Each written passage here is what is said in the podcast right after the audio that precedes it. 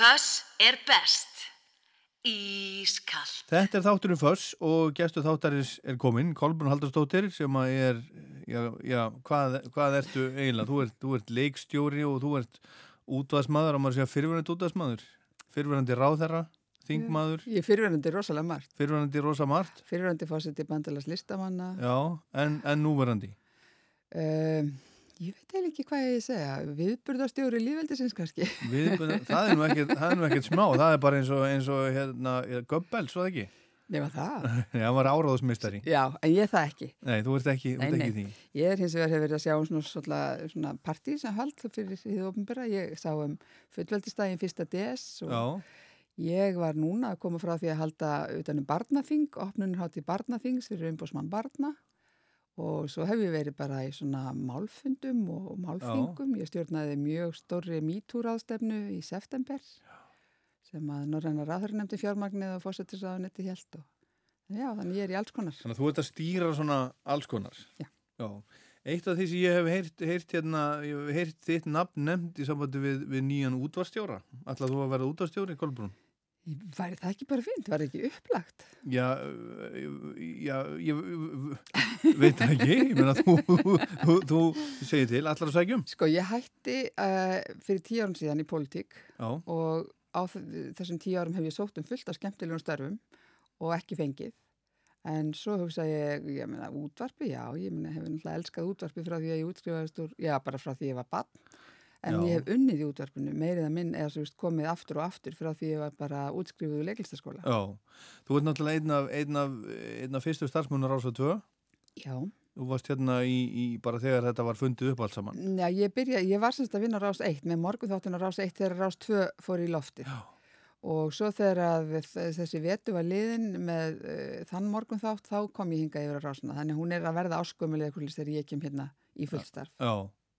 En hvernig, hérna, líst þið nú á, á rásina í dag eftir, eftir allir sár? Ég uh, hef náttúrulega mikið að skoðunum af henni. Ég hérna, mér finnst sko, þetta umhverfi allt verið rosalega mikið breytt. Uh, ég hefði haldið að sko, það hefði eiginlega mátt bæta þriðjur ásinni við. Ég hef nú einhvern veginn heilt þig nefna það líka. Jú, jú.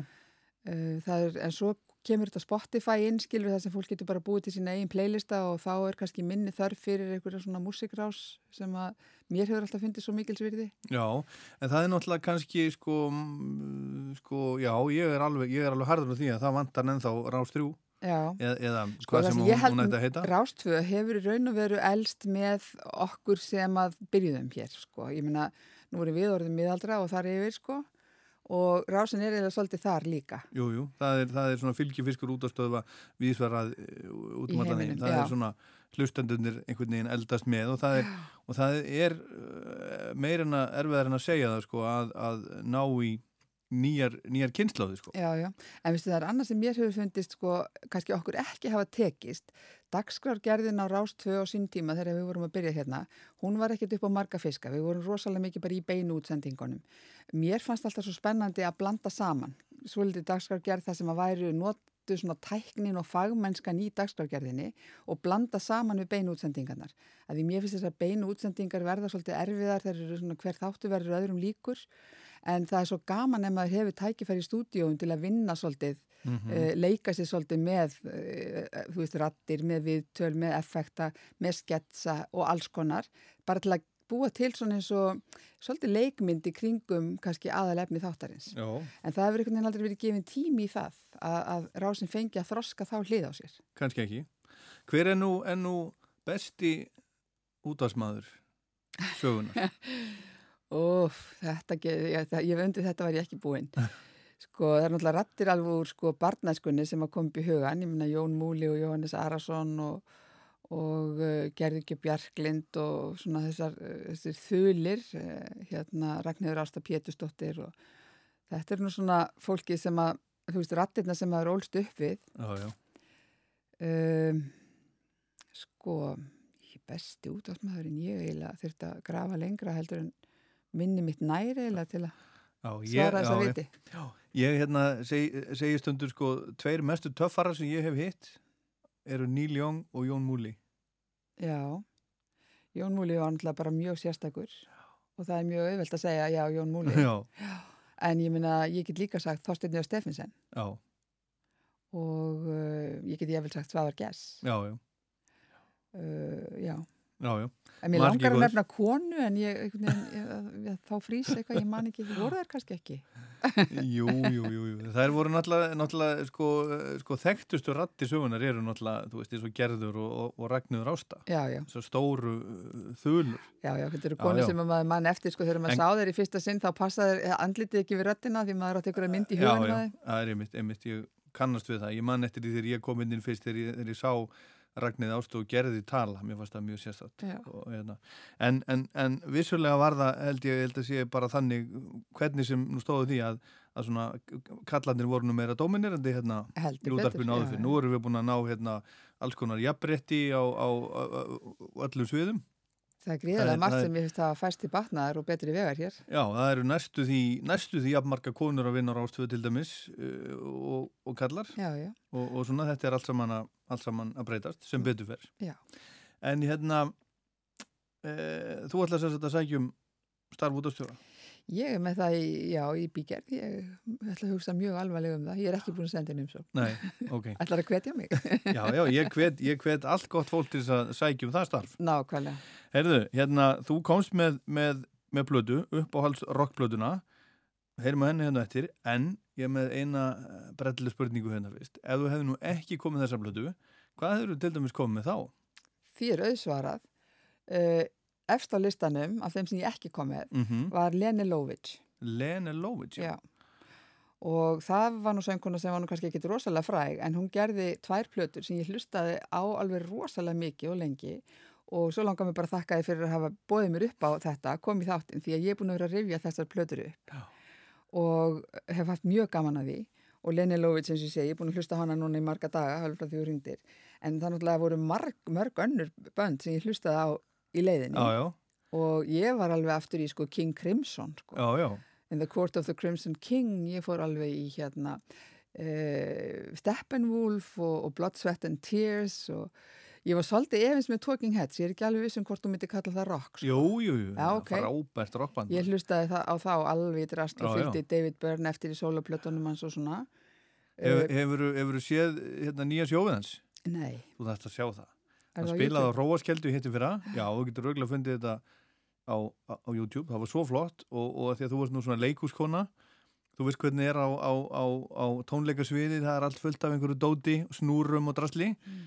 Hann spilaði á auðu sviði og allir sem voru að spila með honum voru með allt hangandi á sig sem við spilaði. Það var allt þrálaust og svo voru allir dansandi allt sjóið. Hann var að spila hérna Talking Heads er eitthvað það flottasta sem ég hef- bara hef séð. Þeir voru að spila á, sá það á Róaskeldu sem þetta hitti fyrra og, og, og ljósið sem þeir notuðu að stóru hluta var bara eitt kastari. Já. Ótrúlega flott. En sko hann er náttúrulega svo mikið Hann er hann er, hann er algjör séni en hann er líka svo visuell maður hann hefur verið, hann var náttúrulega í myndlistaskóla sem krakki, ég gerði hér þætti fimm þætti um myndlistamenn í músík uh, á Rástvö og talaði mitt um hann þá á þeim tíma og John Lennon og fleiri sem byrjuði í myndlist. Uh, David Byrne vann með Philip Glass. Hann hefur unni með sko Robert Wilson arkitekt og leikusmanni miklum sem að, að hérna hefur verið gúru í leiklistinni í mörg, marg ára tíu þannig að hann á mjög sterkan leikusbakgrunn Magnaður. Uh, já, mjög magnaður. En svo var ég líka að hlusta á svona sko nýbylgjuna sem að ég náttúrulega, ég, mér fannst ég daldi dett alltaf á milli tímabila, þú veist, ég einhvern veginn uh, næ ekki hippa tímanum alveg, ég var aðeins og ung sko, Mhm. svo er ég kannski aðeins og, og fullorinn þegar punkið er að halda innrið sína eða þú veist, er, þannig ég, finnst ég alltaf hafa dotti einhvern veginn svolítið á milli já. En mér fannst nýbylgjan rosalega skemmtileg og Já. það rátti ég eina uppáhaldsljónsveit og það var Smithereens. Já, sástu þá þegar þeir Já, já, gamla Hittir þá? Já, ég Já. gerði það. Já, ég man nú ekkert hvernig ég tróð mér í eitthvað partí, Nei, ok. en það var voða gaman. Þeir, mér varst þeir æðislega. Ef ekki að heyra bara eitt lag með Smith áður en höldum áfram. Ó, það var Hvað, hvað ef, ef að taka? Um, hvað hétta? Blood and Roses heitir Já, eitt. það er eitt, það er mjög flott. Between the Wall of Sleep. Já, Behind the Wall of Sleep heitir hérna. já. Nú er ég ekki með lagalistan fyrir fram að mig, sko, ég hef ekki nógu gott sjónminni. Já, Tökum bara, nei, það er eitthvað annað flottar heldur, leið mér að sjá plötuna þess. Já, býta eins. Já. Við ekki að taka bara, uh, ef við ekki að taka bara Blood and Roses. Blood and Roses, ljómandi.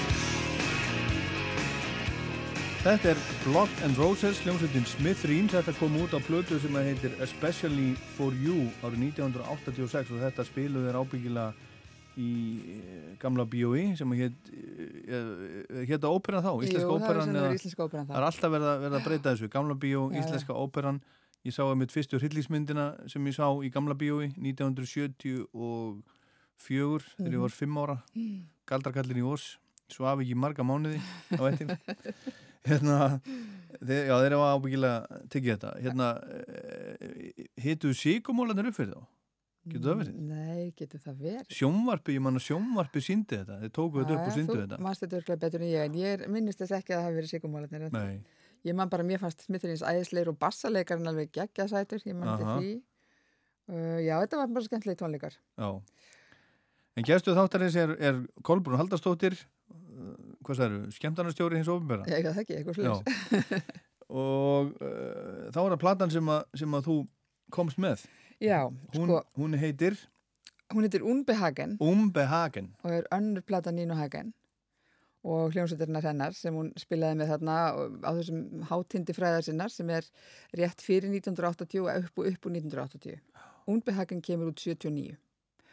Þá er ég bara nýjútskrifuð leikona já, og uh, er svona um, á milli vita í músikinni sko og, en það voru svo rosalega kraftmikli hluti fannst mér í gangi já, og þetta power í nínu það, það einhvern veginn náði mér alveg.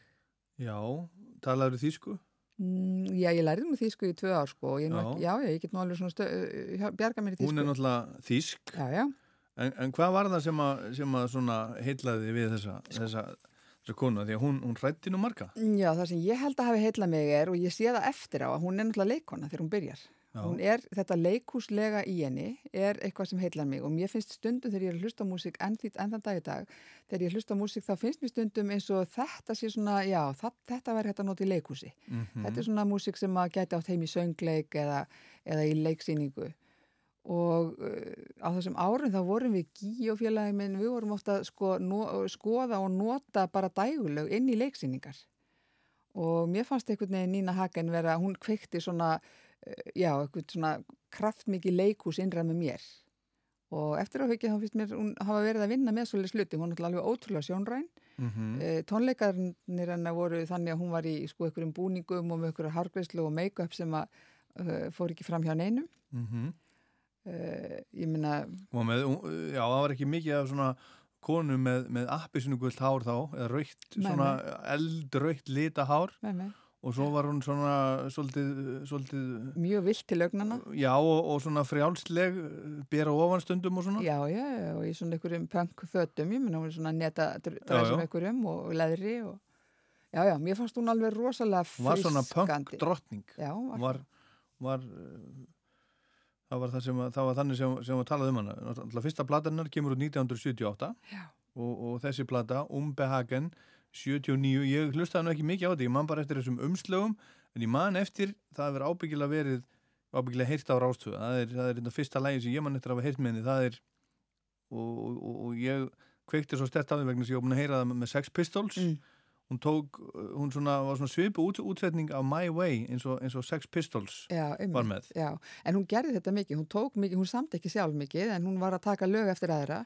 Hún tók sko slagara sem hún hafi heyrt svona, svona 60 slagara í bara útvarpinu sem stelpa og gerði úr þeim svona punk rock uh, lög. uh -huh. Uh, eitt af lögun sem ég langaði að velja og gerði ekki, heitir hérna Wenn ich ein Junge ver, sem var sko bara einhver ítölsk svona tán, táningastjarnar sko, tíu árum yngri en hún, hafði sungið, veist, í þýska útvarpinu. já, já, Uh, hún punkaði það allt upp. Hún tók, uh, sko lægi sem ég valdi, sem ég vildi endilega við spiliðum, mm það er nefnilega lag sem að Lene Lovitz sem ég nefndi á þann bjóð til, samti og gerði frægt.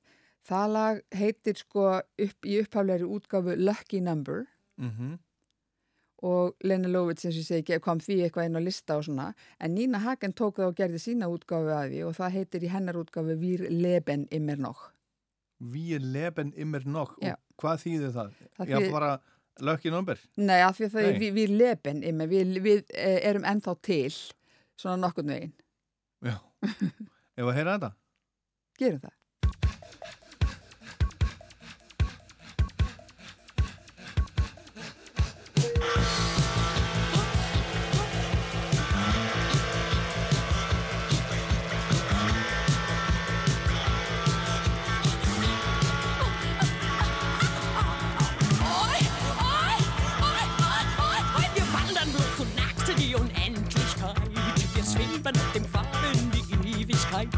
Wir glauben, was wir wissen und wir fürchten uns.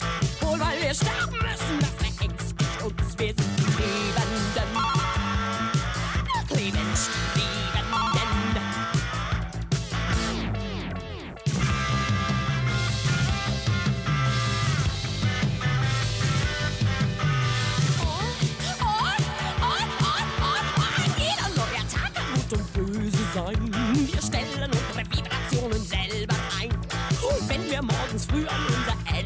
safe.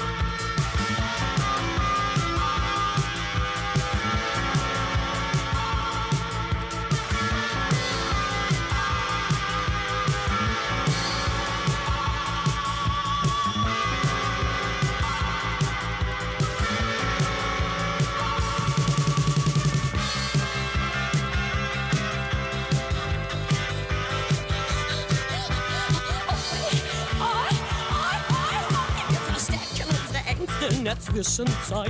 Wir zittern immer noch vor der Vergangenheit.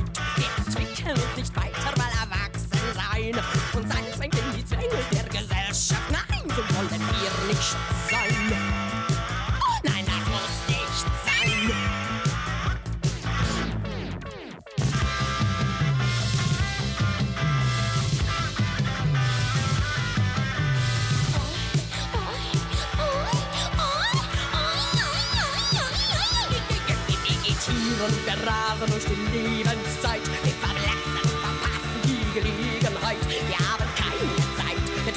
silver light, every tear in the raven, still lives